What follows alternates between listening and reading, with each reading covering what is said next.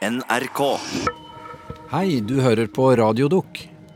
Noen har en livshistorie som er både eventyr og tragedie. Fortellingen om Arnhild handler om drømmer, familiehemmeligheter og en skrøpelig båt på vei til Galapagos med norske utvandrere rett etter andre verdenskrig. Her er 'Jenta som overlevde', en dokumentar i to deler av Randi Lillealteren. Jeg vet ikke annet enn at jeg opplevde eh, en kjempebølge, og så var jeg vann med.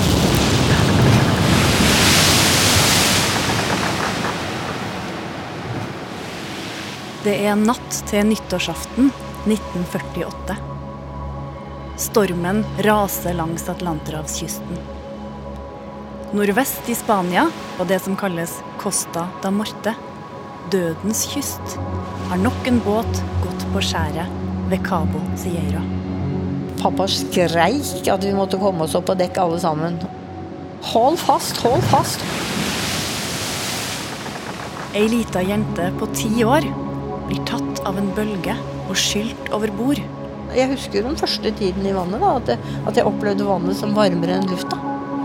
Båten har gått i to og sunket. Nå ser man bare hvite, skummende bølger som slår over skjæret.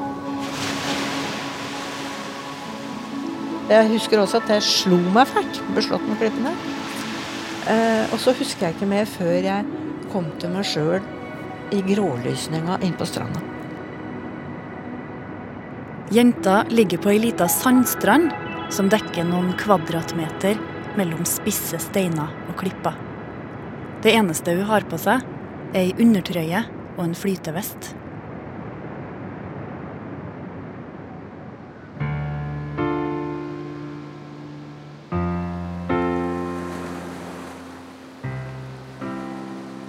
For mange år siden fortalte mamma om Arnhild.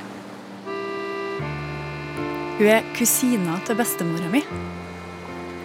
Da hun var ti år, overlevde hun, på mirakuløst vis, et skipsforlis utenfor Spania.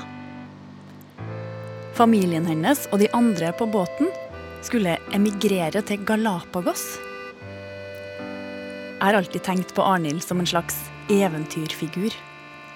Men nå skal jeg få møte henne på ordentlig, og jeg skal endelig få fortelle historien hennes.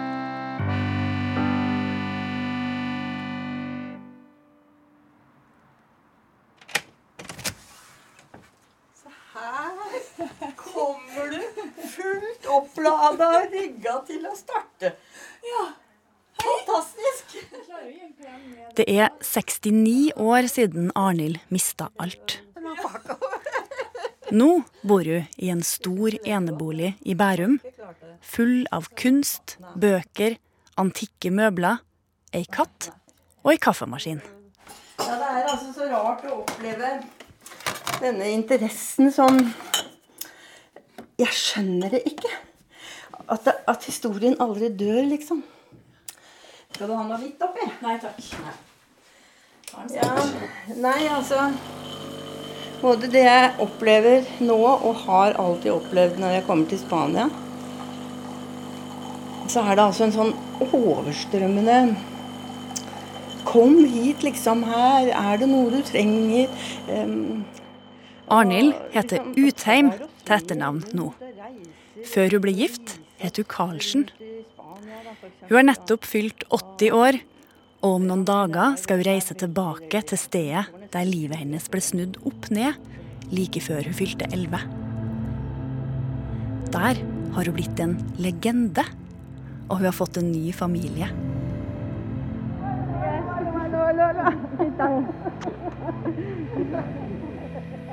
Men denne historien starter egentlig med faren til Arnhild, Arne Karlsen.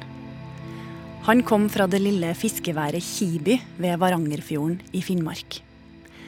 Her levde folk for det meste av fiske, og det var ingen selvfølge å få spise seg mett hver dag. Arne gifter seg med Svanhild, og under krigen evakuerer dem til Oslo med de tre barna sine. Nei, jeg husker han som, som en som vi Eh, på Abelsø, på gården f.eks., så kunne han, eh, hvis han så en av oss, så kunne han komme løpende bort og løfte oss opp og hive oss opp i høyvogna vet du, med hesten foran og løpe av gårde. sånn barnslig på en måte. Arne er en eventyrlysten fyr som ikke lar seg hindre av praktiske problemer på veien fram i livet. Og han var sånn en oppkomme av ideer, og han sto ikke fast på noen ting. Eh, liksom sånn hånd, håndverk Han var sikkert en gløgg fyr, og det er ikke det, men eh, det vet jeg vel ingenting om. Så jeg pleier å si at uh, var det noe han kunne, så enten så hadde han skrue i bukselomma, eller så hadde han en, en liten rull med vaier eller et eller annet som han drev og fiksa med.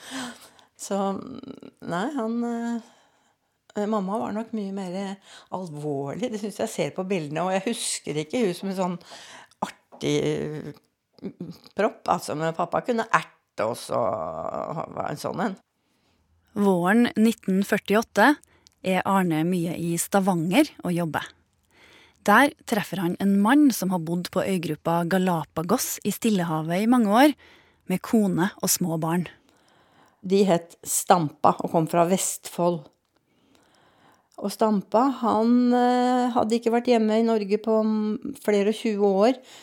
Eh, så han eh, hadde bodd på Galapagos, og, og, de hadde tjent ganske godt under krigen på amerikanerne som hadde base der.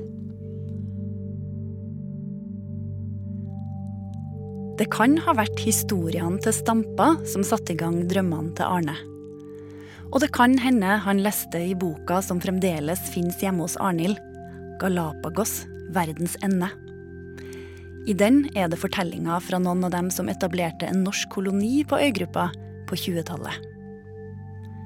På grunn av Humboldt-strømmen, den store, kolde strøm som kommer fra antarktiske regioner og går nordover langs vestkysten av Syd-Amerika til Galapagos, er havet rundt Galapagos kyster meget rikt på en torskeart, hvorav der lages klippfisk, bacalao.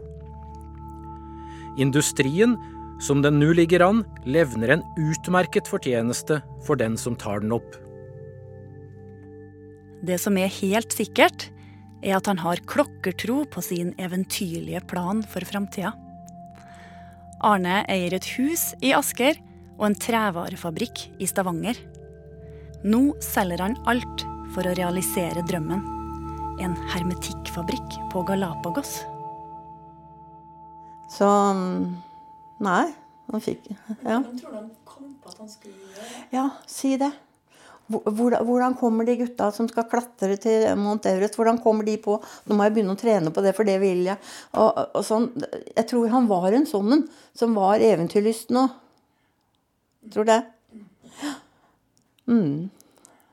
Og dette får jeg jo aldri greie på. Er det noe du tenker mer på nå? Ja. Jeg gjør det.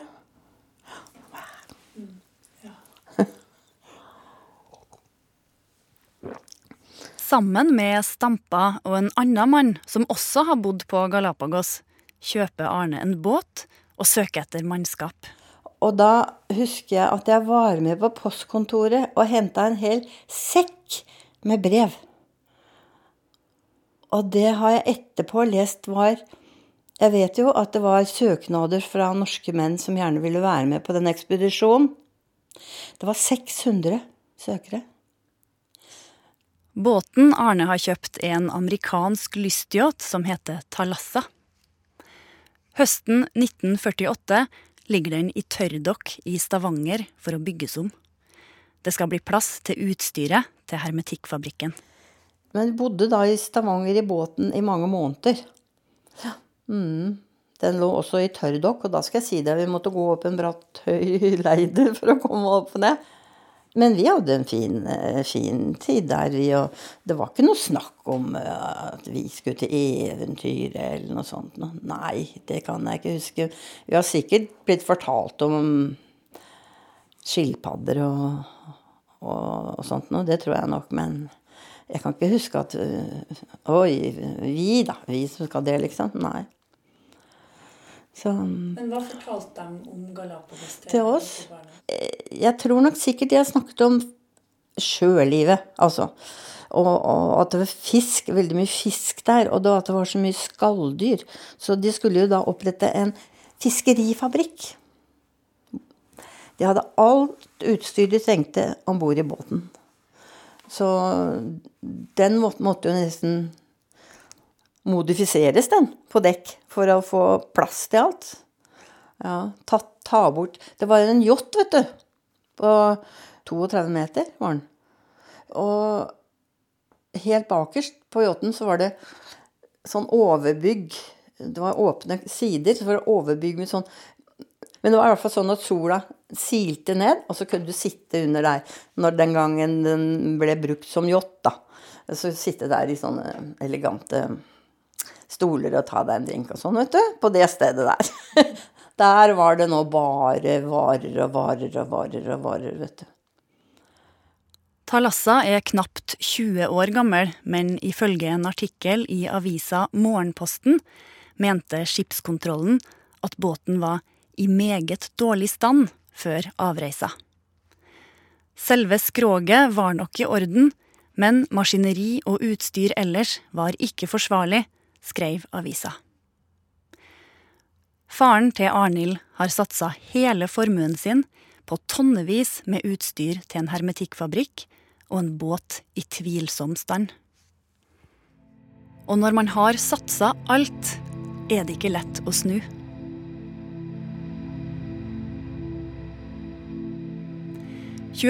november er Thalassa klar til avreise. Det er 18 personer om bord, av dem tre kvinner og fem barn. Men det tar ikke lang tid før problemene starter. Motorene virker ikke som de skal. Båten må snu. Det skal ta flere uker før de får den i stand igjen. Etter det mislykka forsøket setter fru Stampa foten ned. Hun nekter å legge ut på havet med en tungt lasta lystyacht med motortrøbbel, uten forsikring og uten attest på sjødyktighet. Hun tar med seg de to ungene sine og forlater Talassa. Men Svanhild Karlsen blir. Nå er Arnhild og brødrene de eneste barna om bord. Jeg forstår ikke. Altså, det er mamma jeg stiller spørsmålstegn ved. At sånne menn utsetter seg sjøl for å få fylt opp eventyret sitt. Det ser vi jo hele tiden. Ikke sant? Men at han, fått, at han fikk med seg mamma, tre barn, ikke ferdig med skolen, reise til et sted hvor det ikke er helse ikke, Ingenting. Jeg fatter det ikke. Så, så lenge var jeg sint på henne. Men det hjelper jo ikke.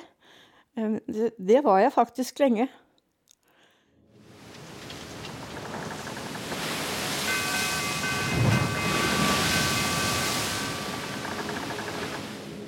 Ekspedisjonen kommer seg endelig av gårde den 17. desember 1948. Første strekning er fra Stavanger til Vigo nordvest i Spania. Her skal de skaffe forsyninger for overfarten til Sør-Amerika. Fra Vigo skal de innom Kanariøyene før ferden går ut over det store Atlanterhavet. Og det var kaldt, og det var bølger, og jeg var, tror jeg var konstant redd ja, og sjøsyk. Og natta vi hadde, siste natta vi hadde før vi kom så langt at vi kom ned til Spania, det var i Biscaya, og der stoppa motoren. Og jeg husker det. Kokken på Talassa, Hans Hansen fra Skien, skriver brev hjem til en venn i Stavanger. Brevet er gjengitt i boka 'Drømmen om Galapagos' av Stein Hoff. Rundt Cherbourg hadde vi en voldsom stampesjø, og Talassa fikk sannelig vise hva hun var god for. Pga. høy sjø gikk vi bare for én motor. Da vi befant oss omtrent ved det smale stredet mellom kanaløyene, stoppet den momentant. Til alt hell hadde vi seilet oppe, slik at båten fikk styring, men vi drev likevel hurtig mot brottene. Det hele tok ikke mer enn 10-15 minutter, men vi vil nødig ha de minuttene om igjen. Det var altså panikk på alle kanter. Jeg tror mora mi skreik, og det var helt eh, Da var det kommet noe vann imot olja eller et eller annet. Og, men de klarte faktisk å få den i gang igjen etter ganske lang tid. Men da hadde den ligget og slått i bølgene, vet du. Uten styring og uten noen ting. Uten kraft, eh, ikke sant. Så det var altså skrekkopplevelse. Det har vært en spennende ferd, og jeg vil ikke råde noen til å gjøre den etter. Det er for store hav for en hundretonns båt. Når jeg sto på akterrekket, som ligger et par fot over havflaten, da forsto jeg hvor liten båten var. Men Talassa tok det praktfullt. Hun logret litt med akterstavnen og akte seg oppover. Man kan selv forstå det når man sier at vi ikke hadde en eneste virkelig sjø over dekket. Det er ikke godt å si om Hansen prøver å overbevise seg sjøl eller kameraten om sjødyktigheten til Talassa. Men etter den dramatiske natta senker roen seg for de 15 om bord.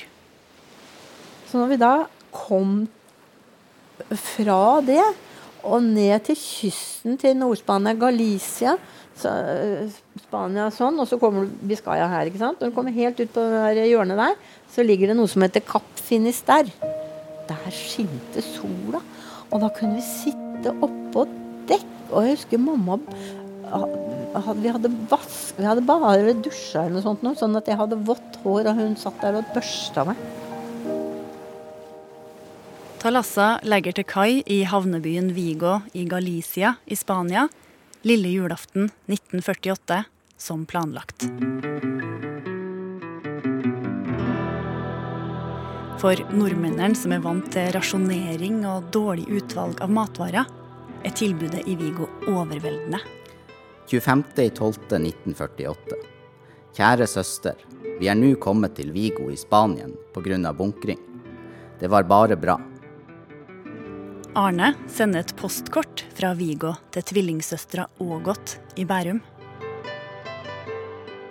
Ungene hadde fint som været var fint. Juleinnkjøpet var 11 kilo appelsiner, 1 kilo druer, 1 kilo fiken, 1 tønne nøtter, 10 kilo svinestek, 10 kilo kalvestek. Her er alt urasjonert. Og det utroligste å få. Har aldri sett noe så vakkert. Den beste jul jeg har opplevd. Skriver senere. Jeg skal forsøke å få dere efter. Hils mor.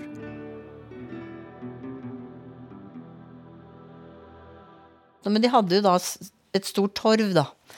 Som de hadde vært og handla på. Også at det etterpå da ble satt ut hele kasser med frukt, så vi kunne gå og spise alt vi orka. Rett etter krigen her, sånn det ikke var eh, noen ting appelsiner og sånn var sikkert veldig eh, Om det var kommet, så var det vel så rasjonert at det var ikke noe til å, å gå og gomle hele dagen. Arnhild husker godt julaften i Vigo. De har juletre og julepynt, og en av mennene har tatt med seg trekkspillet sitt. På kaia står spanjolene og ser på dem når de synger norske julesanger.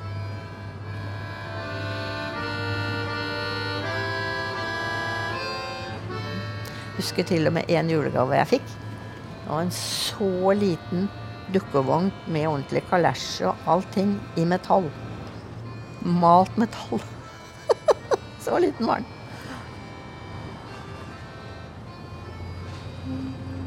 Om kvelden, lille nyttårsaften, er alle forsyninger og forberedelser gjort.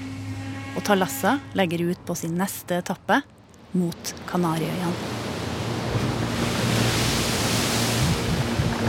Vi kjørte rett inn i uværet. Vi var like sjøsyke igjen med en gang og lå nedi der og ble kasta fra side til side.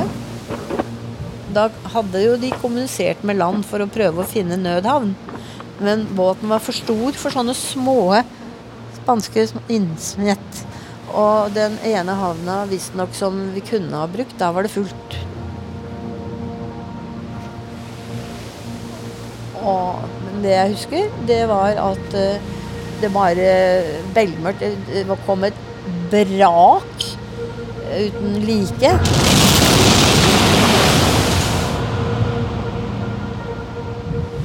Pappa skreik at vi måtte komme oss opp på dekk alle sammen. Og vi bodde da bakerst på båten. Og det var leider opp fra vår lugar. Og den forparten av båten, den så vi ikke i det hele tatt. Den var brukket i to, og den var stein sunket.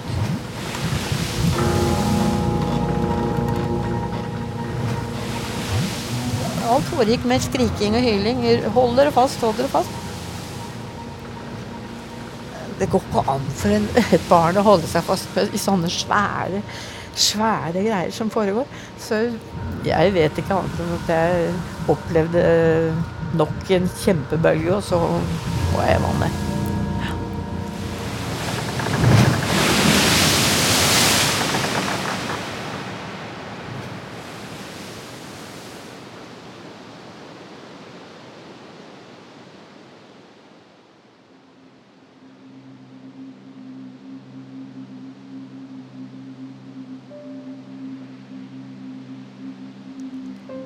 I grålysninga våkner Arnhild.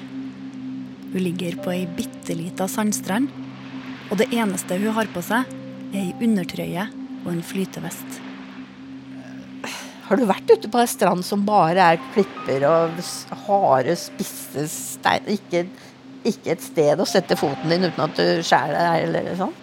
Sånn at jeg reiste meg opp og, og, og, og så dette her lille steinhuset 100 meter fra meg eller noe sånt noe. Så jeg begynner å kravle dit, da. Hun har en stor flenge i leggen, og hun blør fra sår i hendene. To soldater som er stasjonert i et lite steinhus, oppdager Arnhild og kommer løpende. Den ene legger uniformskappa si rundt skuldrene hennes, og de tar henne med inn i huset. Så skulle de ha meg til å skrive, da tenkte jeg i hvert fall at jeg skulle skrive navnet mitt. Men jeg vet jeg blødde som en gris, så jeg husker jeg var flau over at jeg bare ødela alt. Og så at jeg ikke hadde klær på meg. Madrid, første i første. NTB fra Reuter. En tolv år gammel norsk pike er den eneste overlevende etter at en lystyacht av ukjent nasjonalitet gikk på grunn utenfor Vigo i går. Det blir oppgitt at navnet på lystyachten skal være Thalassa.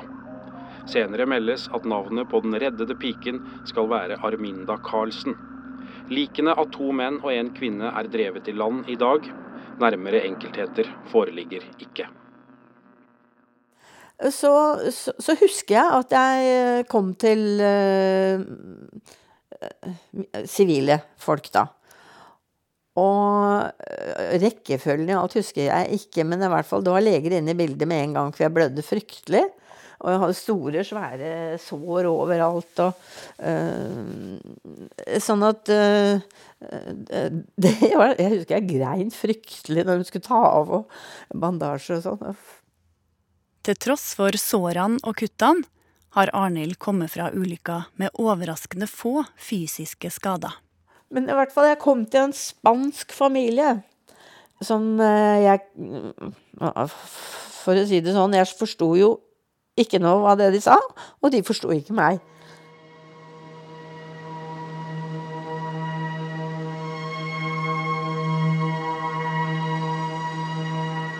Men det folket i Galicia forstår, er at et mirakel har skjedd. På skjærene utafor byen Bayona har utallige skip gått ned, og altfor mange menneskeliv har gått tapt. Men denne gangen har ei lita jente på ti år overlevd. Foreldrene hennes, de to brødrene og alle de andre som var på båten, er døde. Nå ligger skjebnen til jenta i hendene på folket i byen. 14 muertos en el náufrago del Talasa. Fra forsida av 1. januarutgaven av avisa El Pueblo Gallego ser ei alvorlig lita jente rett på leseren. Arnilda Carlsen, unico superviviente del Talasa. Eneste overlevende fra Talassa. Den norske visekonsulen får saken på bordet, og den skal følge han i mange år. Det første han gjør, er å sende et telegram til Norge. Erling Berntsen, Kolveien 12, Haslum, nede Oslo. I'm informed by girl Arnil Carlsen, who well in my care, as only survivor, sunk American yacht Thalassa, your close relative. Please telegraph instructions, Duran, Norwegian vice consul. Erling Berntsen, som får dette telegrammet, er onkelen til Arnhild, gift med Ågot. Hun skal bli en viktig person for Arnhild i årene som kommer. Den lille, vakre jenta med lyst hår og knallblå øyne, helt alene i verden, vekker oppsikt blant spanjolene. Ei ung dame kommer på besøk til familien Arnhild bor hos med en spesiell gave.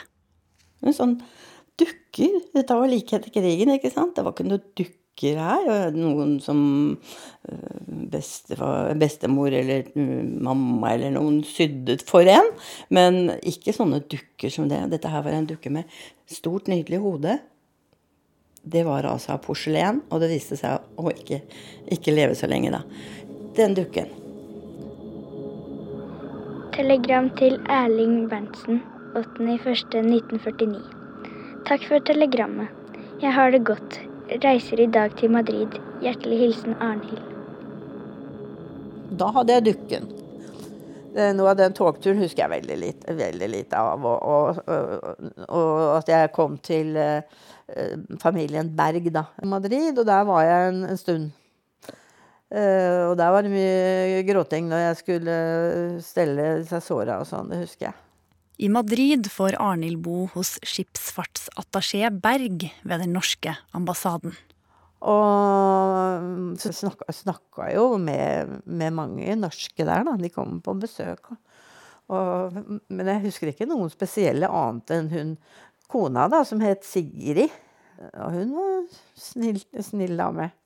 Og så fikk jeg med meg masse klær hjem, da, vet du. Mm som de hadde samla. Jeg har et brev fra ambassaden som står at alt det hun har med seg, er gave fra den norske kolonien i Madrid. Så skulle ikke hun noe fortolling til der. Hvordan var det å være ti år og helt alene i Spania? Jeg vet ikke, jeg vet ikke om jeg skjønte det. Det er innkommet en rekke tilbud fra familier både i Spania og i Norge om å adoptere Arnhild Karlsen. Historien om jenta som har overlevd et skipsforlis og mista hele familien sin, berører mennesker over hele den vestlige verden. At denne piken tilbys foreløpig eller fremtidig opphold hos fru Signe Brevik, Kort Adlersgate 3, Oslo. Fru Signe Brevik hadde sin mann om bord i Thalassa glad to help you if you have no folk there to care for you.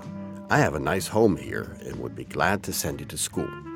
Jimmy Reed, Melton, Oregon. Hvis denne unge pike blir utskrevet som frisk, erklærer jeg meg villig til å motta henne i mitt hjem og sørge for hennes underhold og skolegang til hun blir voksen. Jeg har et rommelig hus og er lignet etter en formue på 600 000. Prestetjenesten skal meddeles at den reddede Arnhild Karlsen har mange nærstående pårørende som ønsker å ta seg av henne. Hun har selv ytret ønske om å bo hos Erling Berntsen, Kolleveien 12 Haslum, som er gift med en tvillingsøster av hennes far, og hvor hun tidligere har tilbrakt mange ferier, således at hun der vil ha lettere for å føle seg hjemme. To uker etter ulykka er Arnhild frisk nok til å reise hjem til Norge. Telegram til Erling Berntsen 16.01.49. Arnhild frisk og kjekk. Reiser med SAS-flyet søndag 16. til København. Forstår viderereisen til Oslo ordnet av Utenriksdepartementet. Berg. Så da gikk jeg på flyet, og vinter var det. Og vi kommer Jeg tror vi mellomlander et sted. Jeg er helt aleine. Altså, jeg, jeg, blir kjørt til Lissabon av familien Berg, da. Men derfra og hjem var jeg aleine. Så kommer vi til København og skal videre, men der er det snestorm på Fornebu, så jeg kommer ikke dit. Så da satte de meg på toget. Helt aleine. Uff. Men jeg har ikke noe dårlige minner av det. altså. Jeg har ikke det. Av den turen. Jeg tror nok Jeg tror nok at uh, de også den gangen passa på barn som reiste aleine. Sånn som de gjør i dag. Tror ikke det? Jo. Uff. Ja. Men jeg husker én ting fra toget hjem.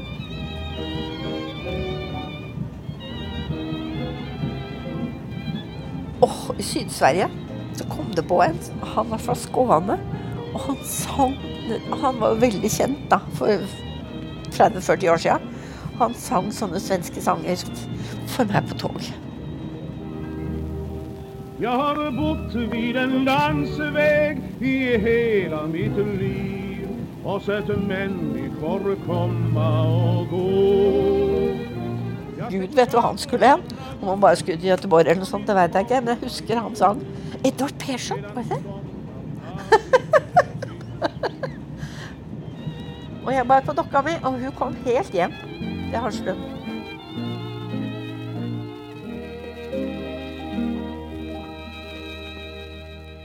På Østbanen står familien og venter. Det er bestemt at du skal bo på Haslum hos onkel Erling og tante Ågot. Ågot er tvillingsøstera til faren og fadder til Arnhild.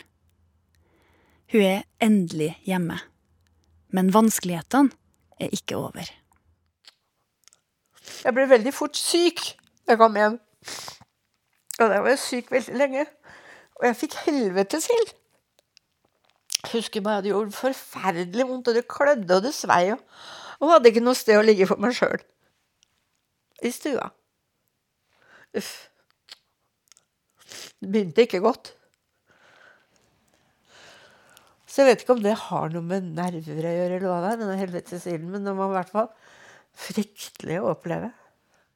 Mens jeg har jobba med historien til Arnhild, har jeg tenkt mye på hvor annerledes man tenkte om barn, og hva som var bra og ikke på denne tida. På den ene sida nølte man ikke med å sende ei lita jente som nettopp hadde mista hele familien sin, alene på fly og tog helt fra Lisboa til Oslo. På den andre sida tenkte man at det var best å ikke snakke om det som var skjedd. At det var bedre at barnet fikk glemme det vonde. Man, kan i hvert fall ikke glemme noe sånt når man ikke snakker om det. Så det, det er jo helt galt å håndtere det sånn. Og så når den da kanskje sier til meg at Hvorfor skulle, no, hvorfor skulle du klare det, liksom? Det ikke de andre. Og, og da har jeg tenkt Har jeg ansvaret for det? Har jeg skyld i det? Og det var fryktelig at jeg følte at de ga meg skylda. De gangene Arnhild prøver å spørre tanta om ulykka, eller om foreldrene og brødrene, blir hun kontant avvist. Såpass kontant at hun ikke tør å spørre mer. I stedet blir hun satt i arbeid. Jeg hadde plikter og sånt overgått fra dag én vet du, med å holde stua rein. Og det var før støvsugerens tid, mind you. Det var, det var før støvsugeren. Og de hadde hund som la igjen mye hår og Ja, vask opp og hadde mange plikter. Hva slags forhold hadde du til Ågot før du kom dit? Da var det tanta mi som vi var på besøk hos. Ågot er et arbeidsjern, og hun stiller strenge krav til Arnhild. Jeg vet ikke om jeg, for, om jeg har fortalt deg men det, men da jeg var tolv år, da hadde jeg bodd der ett år. Så fikk jeg beskjed om at alt jeg trengte heretter, det måtte jeg klare å tjene til sjøl. Klær Hun lærte meg å sy, så jeg sydde meg sommerklær, da. Jeg husker i hvert fall at jeg hadde to sommerkjoler. Og jeg strikka ullgenser og sånn, og, og, og da lærte hun meg å legge opp herrebukser. Så tjente jeg jo noen kroner på hver bukse, da, et par-tre kroner eller noe sånt noe. Og så hadde onkel Erling ansvar for å samle innbetalinger til vellet, altså medlemskontingenter. til alle som bodde på Haslum. Så da gikk jeg rundt og to ganger i året gikk jeg rundt og, og samla kontingent. Og så leste jeg av målerne for E-verket. Og da gikk jeg inn og leste av og gikk til neste hus. Jeg tror jeg hadde ti øre måleren eller noe sånt. Men i hvert fall, jeg tjente da noe penger. Men jeg tjente aldri nok til å skaffe meg ski og støvler og sånt noe. Aldri. Ja. Det er noen sånne punkter som er, som er veldig såre. For det var liksom aldri noen som hjalp til. Aldri.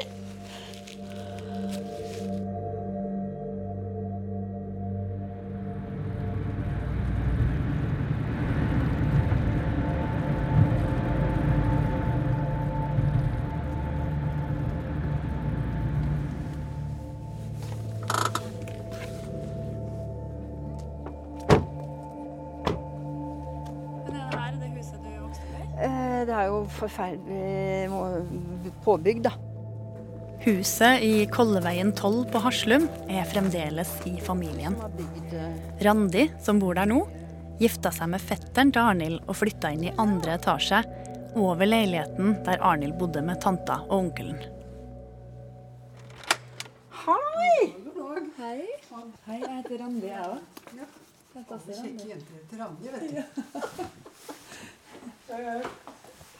Da huset var så lite, så, eh, så hadde de hele huset. For da hadde de jo bare en stue nede og kjøkken. Og så her oppe var det da tante og onkel sov, hadde senga si mot den veggen.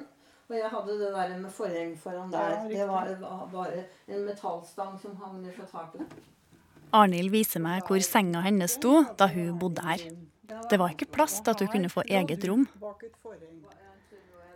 Tante Ågot er temperamentsfull, og Arnhild savner et sted hun kan stikke seg unna. Men Randi fikk jeg jo godt forhold til. Det var vel hun som hjalp meg i knipene. Mm. Hvilke kniper var det? da? Ja, hun hørte jo hva som foregikk nede, ikke sant? De bodde i andre etasje. Så jeg var nok oppe hos henne litt, da. Men hun sier jo nå at 'jeg skjønner ikke at du kunne huske mer', sier hun til meg. For jeg husker jo du gikk på, på folkeskolen og hadde ett skjørt og en genser i to år. Huff a meg. Randi blir både en hjelper og en alliert. Så ser jeg Arnhild for meg når hun går på skolen. Og da hadde hun et, mener jeg da, et gr litt utskrådd skjørt. Litt grått med rød Det ble en slags ruter, men store. Og så hadde hun turkis genser. Veldig Og så hadde hun en sånn brunmelert kåpe. Eh, ikke sånn fasongsydd, men rett, som vel var da. Og det var vel Det var det. det. Og det var vel det. Når det var skidag, så fikk hun jo låne mine støvler og skibuks og, og det som skulle Ja, men vi passa jo inn, så det var jo helt greit. Det både og Du har kanskje litt mindre føtter enn meg, men det spilte jo ikke noen rolle. Det var å fylle opp med sokker, det, vet du. Nei, så så flytta jo du ganske fort, Arnhild. flytta jo så fort jeg kunne. Ja, nemlig.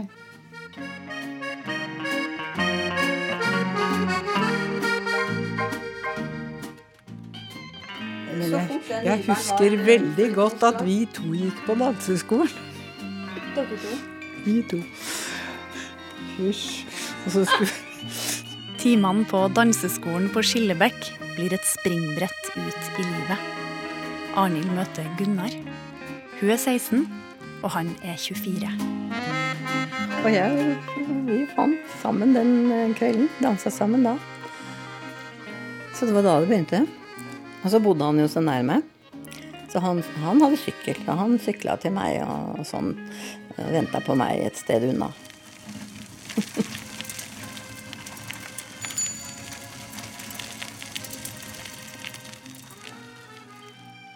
Arnhild er flink på skolen. Hun går ut av handelsskolen med gode karakterer og får jobb med en gang.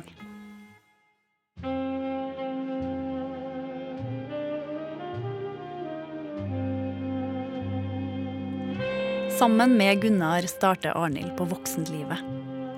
I 1964 kjøper de seg et hus på Høvik, og året etter blir Kristin født. Altså hvis jeg tenker på hvordan det var når jeg var liten, så, så var det nok mye sånn at eh, Jeg så jo veldig godt eh, hvis mamma ble lei seg. Arnhild lever et vanlig og vellykka liv med mann, barn, god jobb og et nytt hus i et fint strøk. Men hun har aldri fått bearbeida traumene. De ligger der like under huden, og det merker dattera Kristin godt. Altså, det har jo alltid vært folk som har vært interessert og har spurt og lurt på ting. Og, og jeg, husker jo at jeg så jo veldig godt på henne at det syntes hun var vanskelig. Um, så sånn sett, som barn så lærer du deg kanskje da at oi, det er kanskje Her må jeg trå varsomt. Altså, som barn så spurte jeg jo aldri. Det er for så vidt uh, på mange måter fremdeles litt sånn. Jeg trør litt varsomt. Ja. Hva er det du syns er vanskelig å spørre om, da?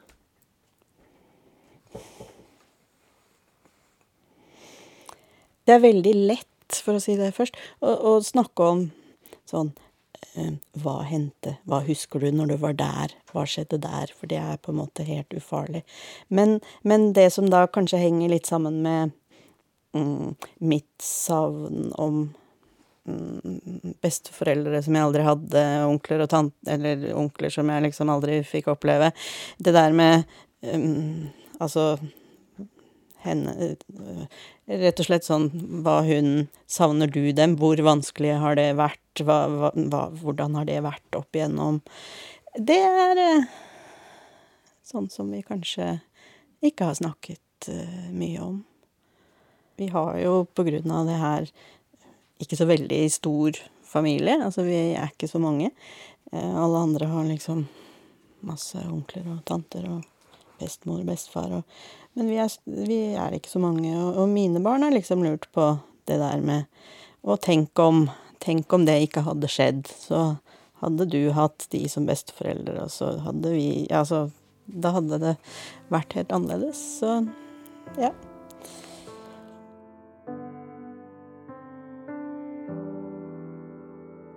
Hvordan ville livet vært hvis de hadde blitt i Norge? Hvis mora, faren og brødrene hadde levd videre? Det spørsmålet har gnagd i Arnhild hele livet.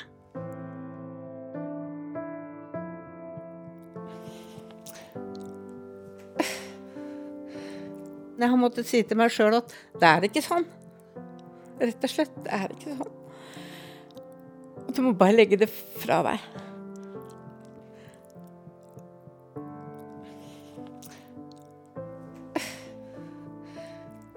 Det har jo nest, Jeg tror ikke det har gått en dag uten at jeg har tenkt på det.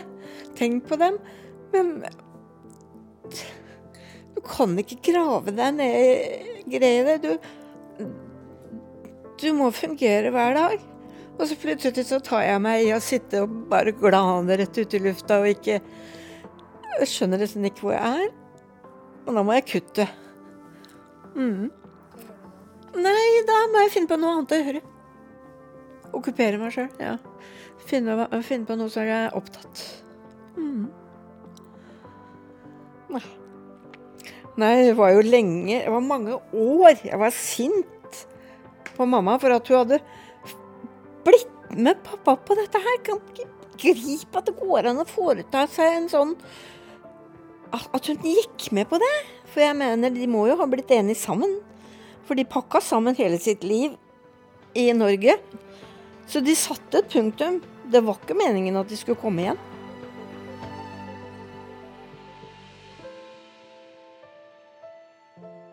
Det hender fremdeles at Arnhild er på besøk hos tante Ågot på Haslum. Ågot har flere søstre i Oslo, og en ettermiddag i 1971 er de samla til familieselskap. Også tante Tina, som ofte snakker før hun tenker. Den ettermiddagen skjer noe som skal åpne en helt ny verden for Arnhild. Da var jeg faktisk ute på kjøkkenet.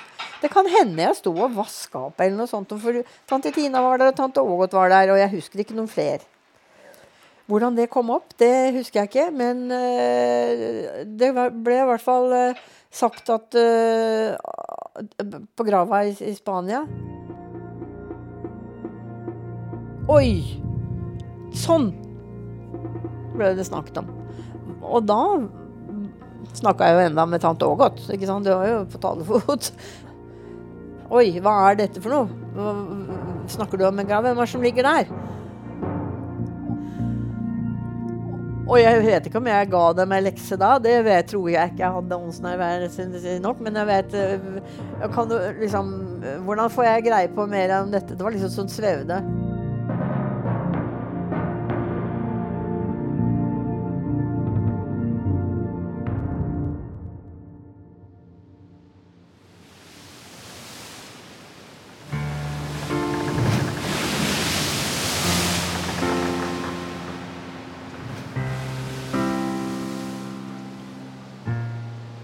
Fins ei grav i Spania. Mora hennes ligger der. Tantene har visst det i 22 år uten å si noe til Arnhild. Når hun først får greie på det, er det fordi tante Tina får snakke seg. Men hvor er denne grava? Uh, ja, det må gå til Utenriksdepartementet, sa Tina. Mm. Spørre hva de har av informasjon om det. Men ikke før det er sagt, blir hun advart. Hun må absolutt ikke dra til UD og se på bildene som ligger der. De er altfor fæle. Jeg har ennå ikke vært og sett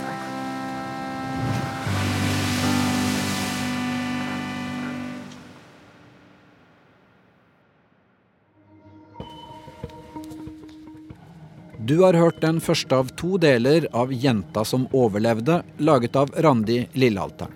Lyddesign ved Kjetil Hansen. Konsulent, det var jeg, som heter Kjetil Saugestad.